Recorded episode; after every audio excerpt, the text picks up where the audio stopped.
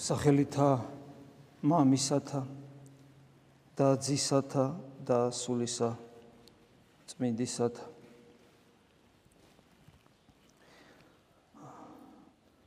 სულიერ ცხოვრებაში ერთ-ერთი ყველაზე მძიმე რა თქმა უნდა ეს თვითკმაყოფილება ზოგადად ადამიანური ბუნებისათვის თვითკმაყოფილება ნებისმიერ საქმეში ძალიან ცუდი რამ არის და ყველა კეთილი საქმის მათ შორის ამ სოფლიურის დასამარება არის შესაძლებელი. ყოველი კარგი წამოწყების დასამარება შესაძლებელი თორსა ადამიანი თვითკმაყოფილებას ეძლევა. ეს რომ ასია რომ თვითკმაყოფილება ყველაფერს აფუჭებს და ადამიანს აქვს წყურვილი, სურვილი მუდმივად ვითარდებოდეს ეს ადამიანის არსობრივი, ანუ ონტოლოგიური თვისება. ეს იქიდან გამომდინარეა, რომ ადამიანი ხატი და მსგავსია ღვთისა. აა მაგრამ ნებისმიერ სხვა სფეროში, როგორც წესი ადამიანის აესეთ მისწრაფებას პერსპექტივა არ აქვს. შესაბამისად ამგვარი დამოკიდებულება ბევრს არაფერს აფუჭებს. იწიერს გარკვეულწილად და ამ ქვეყნიურ რაღაც წარმატებას, მაგრამ აი სულიერ ცხოვრებაში თვითკმაყოფილება ეს კატასტროფის მომასწავებელია. საერთოდ ღმერთის ადამიანად მოსulis, ანუ ქრისტიანული სარწმუნოების ერთ-ერთი מחასიათებელი უმნიშვნელოვანესი სწორედ აი ეს არის და ეს უნდა იყოს, რომ ქრისტიანი არასოდეს არ უნდა ეძლეოდეს თვითკმაყოფილებას.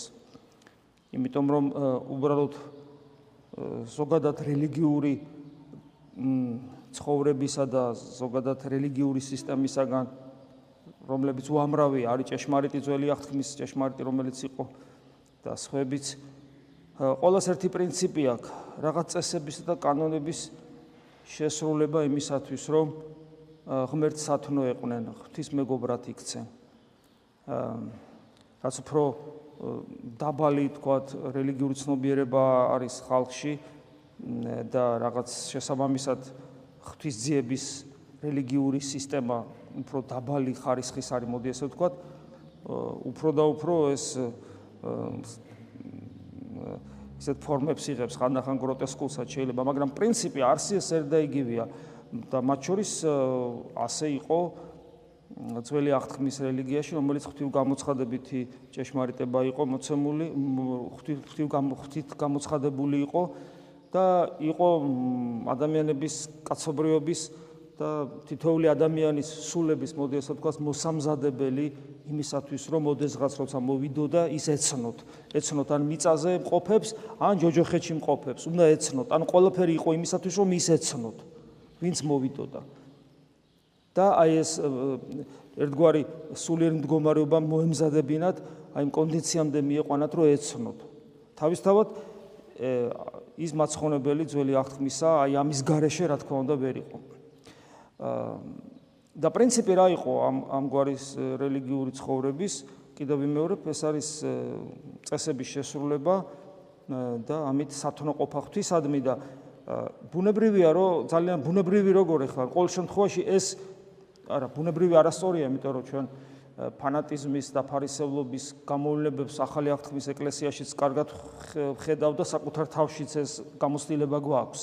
ადამიანი ყოველთვის მიდრეკილია აქეთკენ პრინციპი ეს არის მე რაღაცას ვაკეთებ და კარგად ვაკეთებ. თუ კარგად ვაკეთებ ესე იგი ქვეცნობიერი მეუნება რომ ღმერთი ვალდებულია და მეხმაროს და ღვთის წინაშე კარგი ვარ და ასე შემდეგ. თვითკმაყოფილება რასაც ქვია. რომელიც ხიბლის წყაროა ასე დროს თუ ადამიანი ფხიზლად არ იქნება და აი ამგვარ რელიგიურობას მიეცემა აღმოჩნდება რომ თლიანობაში აღმოჩნდება რომ ის ღმერთს არ ცნობს, ვერ ვერ იცნობს და ვერც იცნობს, არც იცნობს და არც პერსპექტივა არ აქვს ღმერთის შემეცნების, იმიტომ რომ ძირშივე, არშივე შეცდომაზეა მისი სულიერი რელიგიური ცხოვრება დაფუძნებული. და შესაბამისად, იმიტომ რომ ღმერთი ხო მიუწვდომელია და ჩვენ ხო ღმერთი გვაინტერესებს, ჩვენ ხო სხვა არაფერი გვაინტერესებს. ჩვენ ღმერთი გვაინტერესებს და იგი მიუწვდომელია, იგი იგი აბსოლუტია. შესაბამისად, ჩვენს განვითარებას საზღვარი არ აქვს. ამიტომ შეუძლებელია ადამიანი ოდესმე იყოს თვითკმაყოფილებაში. ეს უბრალოდ გამორიცხული არა მარტო ამ სოფელში, არამედ მარადისობაშიც. მარადისობაშიც მუდმივის და არის. მაგრამ თვითკმაყოფილება ნიშანია იმისა, რომ ადამიანი, რომელს ადამიანი რელიგიური ადამიანი, რომელიც ამბობს, რომ მას მას ღმერთი წამს, მას თავის გულში ღმერთის მაგრად ყავს კერპი რომელსაც ის ღმერთს უწოდებს. ანუ ღმერთს არათუ არ იცნობს ხა ეს გასაკვირი არ არის ვინ ვიცნობ? კიდევ მეორე არც პერსპექტივა არ აქვს ღმერთის შეცნობის იმიტომ რომ საძირკველი არ არის ჯანსაღი არ არის ჯანსაღი აი ასეთი რელიგიურობა არის ყველაზე საშიში. იმიტომ რომ ამგვარ რელიგიურობას არ აქვს უნარი იცნოს ქრისტე. რადგან მას არ აქვს რატო რატო არ აქვს უნარი იმიტომ რომ ქრისტე არის ის ღმერთი რომელიც არის. სხვა ღმერთი ჩვენ არა ვიცით შესაბამისად ღმერთი გულში ღმერთს არეძებ გულში შენ კერპი გაქვს ღმერთის მაგივრად რომელსაც ერთგულებ რომელსაკენაც ისწრაფი მაგრამ ის ღმერთი არ არის. ანუ შენ მას ანიჭებ გარკვეულ თვისებებს შესაბამისად როცა ქრისტეს ხედავ ან მისი სიტყვები გესმის ვერ ხვდები შენ გულს არ ეხება იმიტომ რომ შენ გულში სხვა ღმერთია. ფათაშორის სულ ვამბობთ ხოლმე, რომ ერთ-ერთი ნიშანი ადამიანის ეს რა თქმა უნდა გადამწყვეტი არ არის, იმიტომ რომ კაცმა არის ის ადამიანის გულში საბოლოო ჯამში რა ხდება, მაგრამ ყოველ შემთხვევაში ეს ზედაპირულად თუ შეხედავთ, ერთ-ერთი ნიშანი იმისა, რომ ადამიანში ადამიანი ადამიანში გულში, ადამიანის გულში ღმერთი არ არის, ის ღმერთი, რომელიც ღმერთია, ის არ არის და რაღაც სხვა რამეა, ერთ-ერთი ამის ნიშანი და რა თქმა უნდა ადამიანში არ არის და არც ეძებს და არც აინტერესებს და ყოველ შემთხვევაში ამ ეტაპზე მეორე ხარისხოვანია ეს ყველაფერი მისთვის ერთ-ერთი ნიშანი ამისი არის ის რომ მას წმინდა წერილი არ აინტერესებს. რა თქმა უნდა წმინდა წერილის მახინჯი ინტერესიც არსებობს სადაც ადამიანები კითხულობენ სახარებას და ამტკიცებენ რომ იესო ქრისტე ღმერთი არ არის ეს ეს ერთ-ერთი ნიშანია ამისი რომ ქრისტეს სიტყვებში ღმერთს ვერ ხედავს ადამიანი მეორე პრობლემა, როცა ღმერთს კი ხედავს, მაგრამ მისი ერთგულებისათვის ბრმა არის. თვალი აქვს, ვერ ხედავს, ხური აქვს, არ ესმის. და გული აქვს და ვერ გულის ხმას ყოფს. ასეთი რელიგიურობა არის ძალიან საშიში. იმიტომ რომ თუ გამყარდა ადამიანი ამ მდგომარეობაში, ის მიდის ფარისევლური სულისკენ, ანუ ქრისტეს სიძულვილისკენ.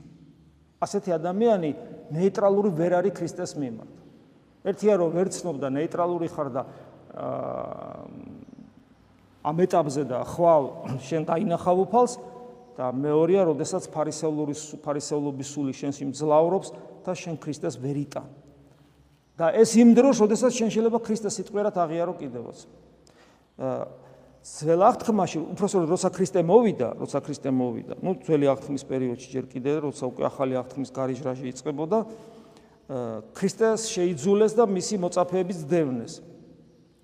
და აი უფალი დღეს დღევანდელ სახარებაში, იოანეს სახარებაში გვეუბნება, რომ ესე იგი მოგიზულებენ ამ ერთობიდან კრებულისაგან განგასხავენ და ისეთი ჟამის დადგება, რომ თქო დაგხოცავენ ყოველმა რომელმან მოგწყვიდეს თქვენ გგონებდნენ ვითარმეთ სხერპლის შესწირა ღვთის, ანუ საფრთხოთ სათნო საქმეთ აღიარებენ თქვენს დახოცვას. ანუ ქრისტეს მოკვდინებას ღვთისათვის სათნო საქმეთ აღიარებენ. ხოლო ახალი აღთქმის პერიოდში ეს რეალიზდებოდა, ну, მთელი ეკლესიის ისტორიას გადავხედავ, დავინახავთ, რომ მათ შემდეგ რაც მართლმადიდებელი ბიზანტია არსებობს, უკვე ქრისტიანებს დევნიან არა წარმართები, არამედ ქრისტიან და არა თქვათ იუდევლები, არამედ ქრისტიანებს დევნიან ქრისტიანები. ქრისტიანებს დევნიან ქრისტიანები, ესე იგი ეკლესიის წიაღში ისევე ეს ფარისევლური სული, ისევე ეს წარმართული სული, ისევე ეს გულში რო კერპი აქვს ადამიანს და ქრისტეს მგმობელი და მოძულე სული ქრისტეს სახელით დევნიდა ქრისტიანებს. თელი ვაგერ წმინდა იოანე ოქროპირის ხატი გვაქვს აგერ და საერთოდ თუ გადავხედავთ წმინდათა ისტორიას, ამის მეც რას ვნახავთ. ესე იგი, ეს ნიშნავს იმას, რომ ადამიანი, რომელიც ეკლესიურად ცხოვრობს, მას არანაირი გარანტია არ აქვს, რომ ასე და ამგვარად არ დაემართება და ეს ამგვარი მდგომარეობა არის სწორედ ამასოფლის სული, ამასოფლის სული, რომელმაც ქრისტეს ადგილი მიუჩინა ჯვარზე. ჩვენ გვევალება გავიდეთ ამასოფლის სულიდან, როგორც პავლე მოციქული ამბობს, მასთან ერთად გავი გავიდეთ ქალაქის მიღმა და ყვედრება მისი მივიღოთ. ეს ჩვენი ვალდებულებაა და ჩვენ ზეცის მოქალაქეობას ვეძიებთ. მაგრამ ამ სოფელში, ამ სოფელში, ამ სოფლის სული იმდენად მოქნილია, იმდენად მზაკვარია და მაცტურია, რომ ძალიან კარგად ახერხებს თვით ეკლესიის წიაღში მყოფობას. აცდუნებს, რა თქმა უნდა, რჩეულებს, ანუ მოწოდებულებს, ანუ ჩვენ გვაცდუნებს და უფალი გვეუბნება, რომ ეს ეს მაშინაც იქნება, როცა ანტიქრისტე მოვა, მაგრამ ეს სულ არის. მაშინ რო იქნება, იმიტომ იქნება, რომ ახლაც არის, ანუ ამასოფლისული ჩვენს გვაცდუნებს. კიდევ ერთი რამ, რაც საინტერესო არის ამასთან დაკავშირებით, არის ის, რომ ქრისტეს შემეცნება, ქრისტეს შემეცნება ხდება ასევე საფრთხო მადლით, ენერგიით, რომელშიც ჩვენ გვეხმარება სულიწმინდა ღმერთი. ეს ძალიან საინტერესოა, იმიტომ რომ ქრისტე ამაღლდა ზეცა და პრინციპულად ხას უსვავს, რომ მისი ამაღლება არის ძალიან მნიშვნელოვანი. ძალიან მნიშვნელოვანი. რომ ადგილი განგიმზადოთ. ეხლა ეს ადგილის გამზადება ძალიან სიღრმისეული სიტყვაა, ბევრ რამეს ნიშნავს. მაგრამ ერთ-ერთი მნიშვნელოვანი რითაც რაშიც ვლინდება ეს არის ის რომ ჩვენი ჩვენი გულები მზადდება ამისათვის და მზადდება სულიწმინდა ღმერთის მიერ. სულიწმინდა ღმერთი გარდამოდის ჩვენს გულებზე, იმიტომ იმიტომ რომ ადამიანური ბუნება განხთობილია იესო ქრისტეში. სულიწმინდა ღმერთი ნუგეშინის სემლად იწოდება. ანუ ჩვენ ობლათ არ ვართ, აფალი ამბობს კიდევ ობლათ არ დაგტოებთ თქვენ, ჩვენ ობლათ არ ვართ, ჩვენ ღმერთის გარეშე არ ვართ დარჩენილები. სულიწმინდა ღმერთი გარდამოვიდა ეკლესია არსებობს და ჩვენ თითოეულ ჩვენგანთან, ჩვენ გულთან არის გვასწავლის და უფალი პიტაპირ ამბობს, რაც მე გამცნეთ, ამას მე ყველაფერს სულიწმინდა ღმერთი გასწავლეთ. და სულიწმინდა ღმერთი ანუ ნუგეშინის მცემელი მოდის ჩვენ სამხილებლად, როგორც დღევანდელ სახარებაში წავიკითხეთ, და ესეც ძალიან მნიშვნელოვანია. იმიტომ რომ ჩვენის გვამხილებს და უნდა გვამხილებდეს და როცა საუბარია რომ აი როცა ამბობს უფალი მოვიდეს და ამხილოს სოფელსა, ამხილოს სოფელსა, ამ სოფელში ჩვენ შევდივართ, იმიტომ რომ იმით მიუხედავად იმისა მოწოდებული ვართ როგორც ზესის მოქალაქეები. იმიტომ რომ ჩვენ მართალი ეკლესიაში შემოვედით, მაგრამ ჩვენ ეს ამასოფლისული შემოვიტანეთ, რაზეც წეღანავს საუბრობდით. გარეგნულად ქრისტიანები ვართ, მაგრამ შინაგანად ამასოფლისულს ვატარებთ. ჩვენ ეს ვიცით და უნდა ვიცოდეთ, რომ ჩვენში ეს არის. ჩვენ ხედავდეთ ჩვენში ამასოფლისულს და ჩვენ მას უნდა ვებრძოდეთ და არ უთმობდეთ. ამასოფლისულის ჩვენში არსებობა ჩვენ არ უნდა გვაძლევდეს მოსონების შესაძლებლობას და მუდმივ ღვაწლის სურვილს უნდა აღზრდავდეს ჩვენში, იმიტომ რომ ჩვენ ვერ უნდა და არ უნდა ვეგუებოდეთ იმას, რომ მიუხედავად ქრისტესნი ვართ ერთის ხრივ, მაგრამ მეორეს ხრივ ამასოფლის სულსაც კარგად ვიტკბობთ და ვიწყნარებთ და გვიყვარს იგი. და აი, უფალი ამბობს, რომ მოვიდეს და ამხილოს სულიწმინდა.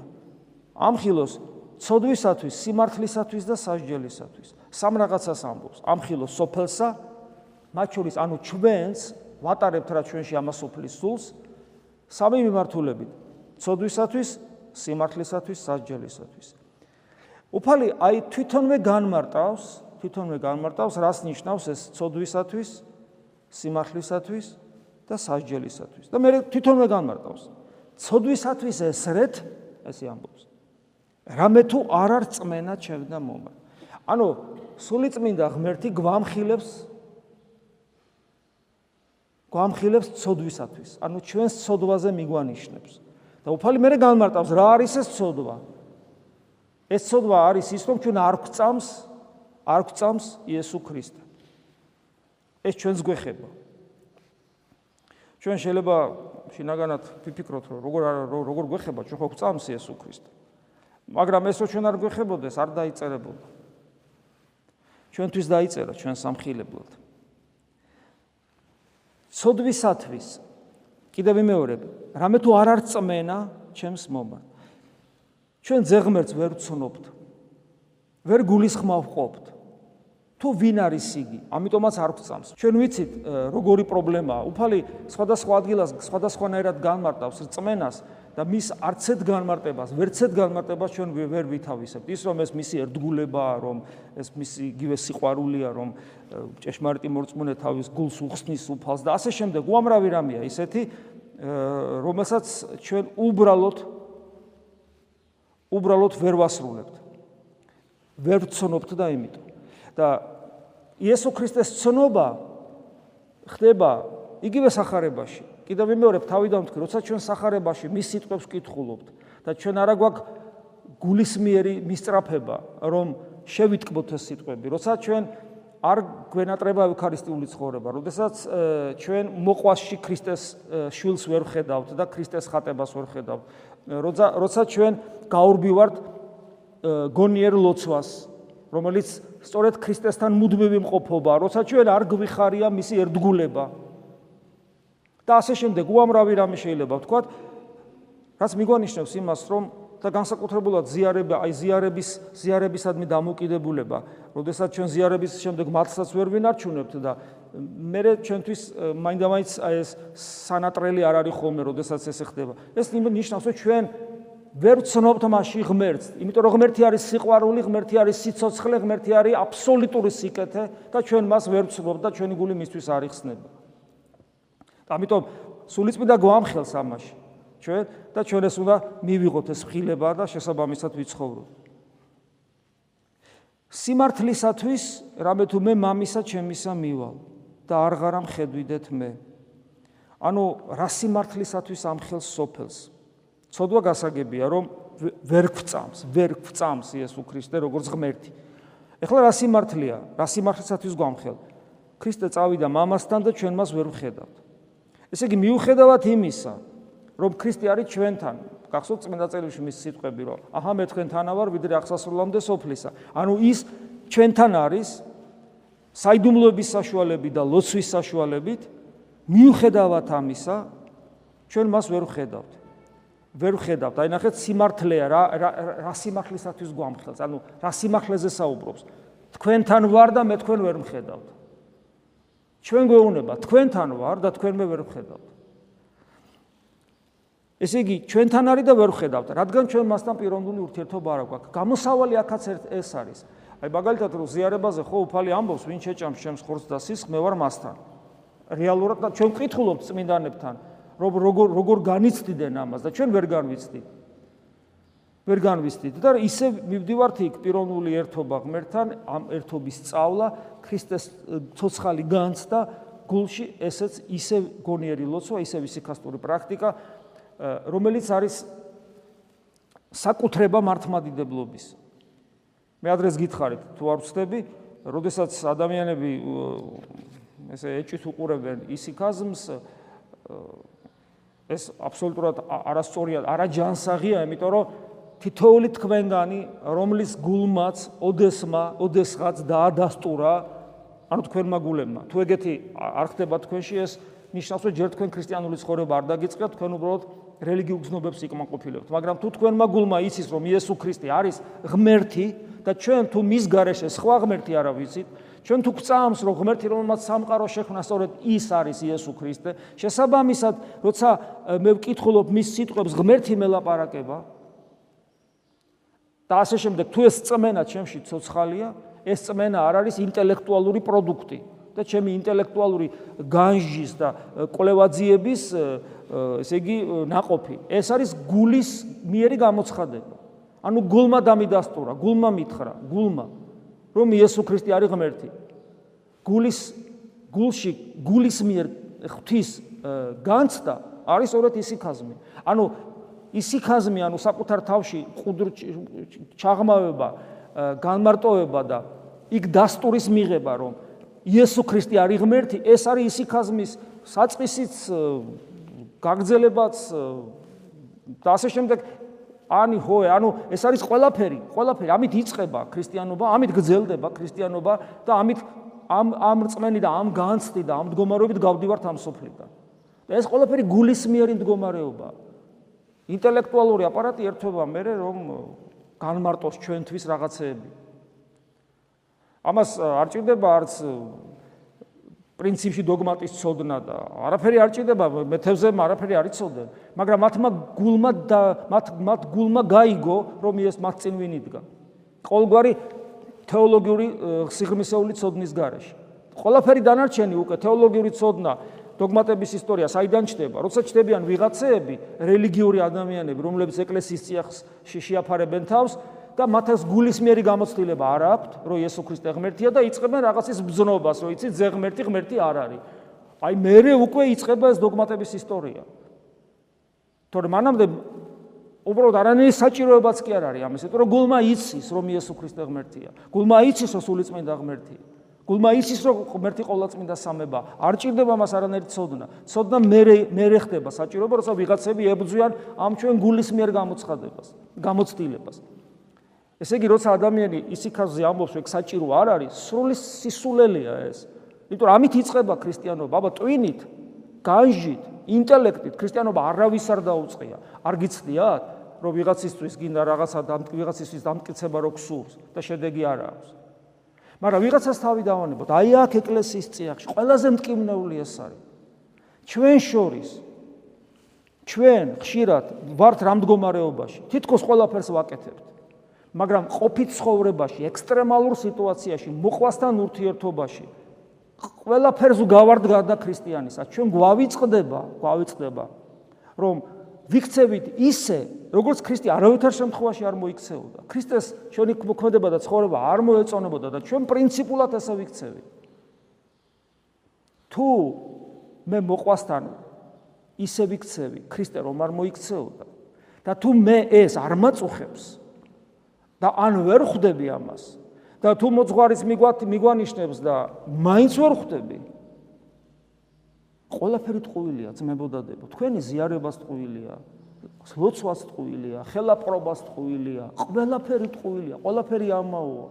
თქვენ რელიგიურობით ერთობით შედეგი ნული გექნებათ ამას მიხვდებით გარდაცვალების ჟამს. როცა აღმოაჩენთ თუ ყველაფერს აკეთებ მაგრამ ქრისტეს არ იცნობ და გაგახსენებთ ძალიან მძიმე სიტყვებს წმინდა წერილისა. მე თქვენ არ გიცნობთ მოქმედნო უსჯულოებისანო და ამას უფალი ეუბნება არა ურწმუნოებს არამედ იმას ვინცაც ქრისტესის წამს მათეუბნება აი ამას ნიშნავს ეს. აი ეს ამ სიმართლეზეა საუბარი. როცა ადამიანს რელიგიური ცხოვრება აქვს და ქრისტეს ვერ ხედავს და არც იმდენი სიმდაბლე აქვს რომ თვითონ ვერ ხედავს იმას მაინც მოусმინოს ვინც ამ გზაზე მეანიშნებს.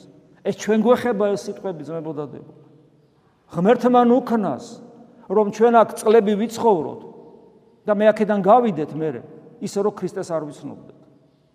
უფალმა დაგვიფაროს ყველა ამ საშინელებისაგან, რომ ასე ვიცხოვროთ მოწყვილებულები მთელი ცხოვრება, სიცრუეში, სიმართლისათვის ამხილოს, ეს ნიშნავს, რომ ჩვენ სიცრუეში ვიმყოფებით.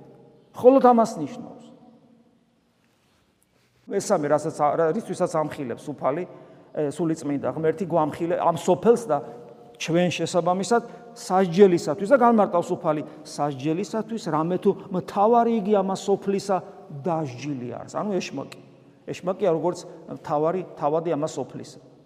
შეიძლება გაგიკვირდეს ახლა ადამიანს უკი, მაგრამ ეშმაკი დასჯილია მე რა შუაში ვარ. შუაში ხარ და მე შუაში ვარ. იმიტომ რომ თავადი ამ სოფლისა სატანაა და გასაგებია რომ ის არის დასჯილი. მაგრამ გაიხსენეთ, ნუ გიყვართ ეს სოფელი და რაც არის მამაშინა, სიყვარული ამას სოფლისა მტრობა ღვთისა. სხვა საკითხი ეს რას ნიშნავს ამას სოფლის სიყვარული? იმიტომ რომ წმინდა წერილშივე წერია, ისე შეიყვარა ღმერთმა ეს სოფელი. აი, ანუ მიყვარდეს თუ არ მიყვარდეს? ან სიყვარული რას ნიშნავს? ან სიძულვილი რას ნიშნავს? სიბძნე ჭირდება, რა თქმა უნდა. სიბძნე საიდან გვეძლება? სულიწმინდა ღმერთით და სიმდაბლით სწავლობ რა ეკლესიის 2000 წლოვანი გამოცდილებით. სიმდაბლის garaში არაფერი არ გამოვა. თუ არ ვისწავლე, არაფერი არ გამოვა. თუ არ ვაღიარე, რომ არაფერი არ ვიცი, აბსოლუტურად არაფერი არ ვიცი. ჩვენ გოგონია, ჩვენ გვაქვს ილუზია, რომ ჩვენ ვიცი. საიდან ვიცი ეს რომ გოგონია? ჯერ ჩემი თავიდან ვიცი, ესე ხეპრეთ რომ მომაქ თავი და რაღაცები მგონია, მაგრამ მე ხო თქვენს გიცნობთ, ვინ ჩემთან დადიხართ. და როცა მოდიხართ ახსარებებზე, თქვენ იცით ხოლმე, რომ თქვენ მართლები ხართ, თქვენ იცით რომ კარგები ხართ, თქვენ იცით რომ სხვები ცუდები არიან, თქვენ ყველაფერი იცით. ეს ნიშნავს, რომ არაფერი ვიცით სინამდვილეში. და ეს სასჯელისათვის, სასჯელისათვის, რომელთაც დასჯილი ამასოფლის თავადი სატანა, მე მეხება იმიტომ, რომ მე თუ ეს სოფელი მიყვარს, აი სასჯელისათვის, ამე თუ გვიყვარს, ანუ რატო რატო მოდის ეს ეს ეს მხილება ჩემზე? იმიტომ რომ სატანა დასჯილია როგორც ამასოფლის მთავარი. და მე კიდე ეს სოფელი მიყვარს, ანუ სასჯელისათვის ჩემზე რამე თუ გვიყვარს ეს სოფელი და ვერ გულის ხმავყოფთ რომ მისი რადგან მისი უფროსი სატანა ამიტომ ამ სოფლის სიყვარული დაცემული ანგელოზის სიყვარულია რომელიც ღმერთისგან დასჯილია და ესე იგი ჩვენ სამ სასჯელის ქვეშ ვიმყოფები. კარგ გახსოვთ რასეუნება უფალი რომ ისა ეშმაკი რომ აი მთელი ძალაუფლება მომიციათ შენთვისო. ჩვენ არ ვესწრაფით ძალაუფლებას. ჩვენ არ გსურს ძალაუფლება. ჩვენ არ გსურს ვიყოთ მომხვეჭელები. ხო გსურს არა ჩვეულებრივად გსურს ეხლა ვისაც დიდი გაქანება და ამბიცია და შესაძლებლობები აქვს სოფლიო მართლობა ზურს ვისაც რაღაც ადგილობრივი რაღაც მართლობა. თუ არაფრის გაქანება არ აქვს საკუთარ ოჯახში ხდები ტირანი. საბავშვო ბაღის დირექტორი ხარ ან საბავშვო ბაღის პედაგოგი ხარ. ხე არ ეგონოთ საბავშვო ბაღელებს აქ რა მაგათუ ერთში პატარა ბავშვები ყავს პატარა ბავშვები. და იქ ხდები ტირანი იქ იქ იქ იხვეჭ ძალაუფლებას მათზე პატარა ბავშვებზე მათ შობლებზე არაფერი საშუალება არ აქვს შენ წარმოსახვაში ჩვენ ყველანი წილნაყარი ვართ ეშმაკთან იმიტომ რომ ეშმაკი ამბობს რომ იმისათვის რომ შენ ძალაუფლება მოგცე უნდა თაყვანი მცე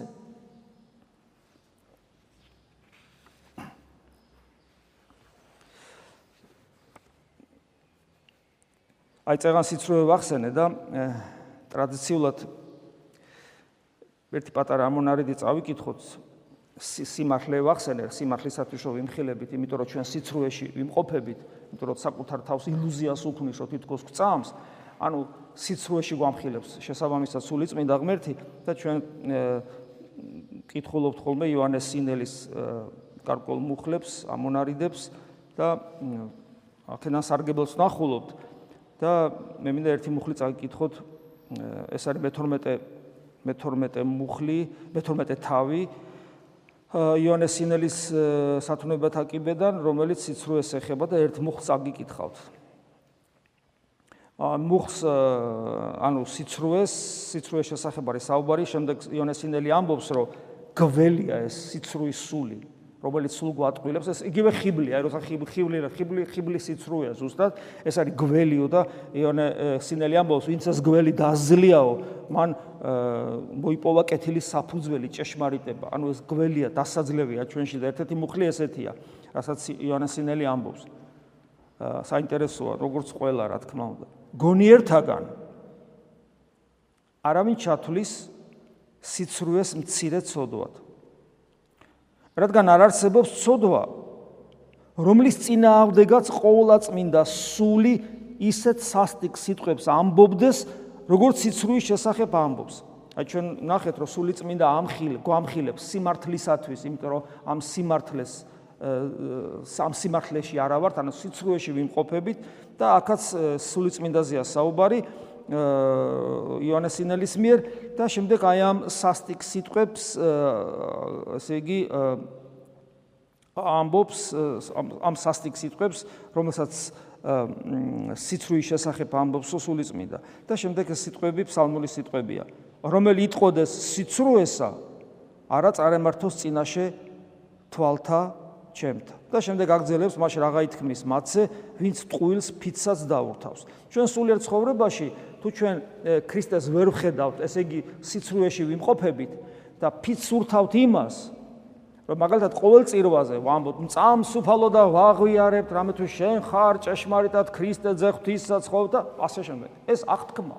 აღარ ლაპარაკობ ნათლობის აღთქმაზე. აღარ ლაპარაკობ ზია ახსარების დროს ყოველი ახსარება კვლავ ქრისტესადმი ერთგულების ფიცია შეიძლება ისე ისე ითქვას. აღთქმარი ანუ ჩვენ როცა ვლოცულობთ როცა მამაო ჩვენოს ვამბობთ ორი ჩვენი არსობისა ეს იგივეა იყავნება შენი. ანუ ყოველი სიტყვა რომელსაც სახარებას როცა ვკითხულობთ ყოველი სიტყვა რომელსაც ჩვენ ეკლესიის წიაღში წარმოვთქვავთ როგორც ქრისტიანები ეს არის იმ აღთქმის აქტუალიზება იმ გაცოცხლება რომელიც ჩვენ ათლობის ჟამს წარმოვთქვით რომ შეუდგებით ქრისტეს და განოშორებით ბოროტს და რო ჩვენ გწამს იგი როგორც მეუფე და ღმერთი. ანუ ყოველი ლოცვის სიტყვა სწორედ აი მახთქმის გაცოცხლება არის. და სწორედ ამას ამბობს, რომ ესე იგი ერთია რომ სიცრუეში ხარ, იმიტომ რომ ვერ ხედავ და თან არ გაწუხებს ეს და არ ხენათ აგზელებ რელიგიურ ცხოვრებას და თან ამ სიცრუეში მყოფობას შენ ტყუილ ფიცსაც ურთავ და და რა არის ეს ტყუილი ფიცი? ყოველი ლოცვითი ამოოხრა ამ მოხრას აღარ ქვია ბაგეებით უბრალოდ წარმოთქმა, ყოველი ლოცვის სიტყვის ბაგეებით წარმოთქმა ჩვენთვის სამწუხაროდ სრუფიცია. ამიტომაც არის, რომ ქრისტიანი რითაც დავიწყე, ვერასოდეს ვერ შეგუება თავის მდგომარეობას. ვერასოდეს და ჩვენი მდგომარეობის ლუსტრაცია ყველაზე მეტად ხდება ლოცვის დროს. როდესაც მიხვდები ერთხელ რომ ლოცვა არ არის ტექსტის ესე კითხვა უბრალოდ, არამედ თითოეული სიტყვის გააზრება, გათავისება და ის გულიდან უნდა ამოვიდეს და გულწრფელი უნდა იყოს და აღმოვაჩენთ რომ ჩვენი გული არცეთ ლოცვის სიტყვას არ შეესაბამება საერთოდ. არც მამაო ჩვენოს, არც დილის ლოცვებია საღამოს თუ ზიარების წინა თუ იესოს ლოცვა არაფერს არ შეესაბამება. უნდა ვაღიაროთ ეს და ვეცადოთ ჩვენში რაღაც შევცვალოთ. წავიკითხოთ, მოусმინოთ, დაუჯეროთ, თავი დავიმდაბლოთ და ვისწავლოთ. ვისწავლოთ ქრისტიანობა. რომ არ აღმოვჩნდეთ აი ამ სულიწმინდა ღმერთის მხილების מחვილის ქვეშ. და საკმარისია ადამიანმა თავი დაიმდაბლოს, რომ იწება ამ ყველაფრის გამოსწორება. ოღონ არა ჩვენით, არამედ ისევ ღმერთით. ადამიანს თავისთავად ამის გამოსწორება არ შეუძლია. მხოლოდ სიმდაბლით, იმიტომ რატომ სიმდაბლით, რატომ? იმიტომ რომ სიმდაბლით ქრისტეს ემსგავსები. და ხდები ქრისტეს ძმა და და ზეციური მამის შვილი და რაც არ უნდა უღირსი იყო. შენ ღმერთის შვილი ხარ. და შესაბამისად არასოდეს არ კრავს ხელს უფალი. იმიტომ რომ სიმდაბლე გაქვს, ანუ მისიანი ხარ, მისი სულისა ხარ. აი როგორც დავით მეფსალმუნეზე ამბობს, გახსოვთ ხო წმინდა წერილში, ნახე კაცი ჩემი გულის. ანუ ღმერთის ღმერთი ამბობს კაცზე, რომ ჩემი გულის არისო. აი ღვთის გულის ღვთის სულის, იგივე სულის, იგივე გულის. აი ეს ეს დგომა რა ეს არის შვილება ზუსტად ღმერთის. და ასე დროს როცა ასე როცა იმდაბლებს ადამიანი საკუთარ თავს და ცდილობს რომ ეს სათნოება მოიხვეჭოს, მოიხვეჭოს, მოიპოვოს და მუდამ უკმაყოფილოა თან არ მოსწონს და სულ სულ აი აი ამ სიმდაბლის სათნოებაში ვარჯიშია, ასე დროს მიუხედავად ჩვენი ცოდვილი მდგომარეობისა, უფალი არ უშურებს ჩვენთვის არანაირ სიკეთეს, არანაირ სიხარულს, არანაირ სიყვარულს, ყველაფერს გვაძლევს, გვანიჭავს იმედით აგვავსებს და წინა გემოს წინა გემოს განცდას გვანიჭებს მარადიული სიხარულისა და მარადიული სასუფევლისა, რომელიც არის ღმერთთან ყოფობა. ამინ. მადლი უფლისა ჩვენისა იესო ქრისტესი და სიყვარული ღვთისა და მამის და ზიარება სულისა წმინდისა იყოს თქვენ ყოველთა თან. ამინ.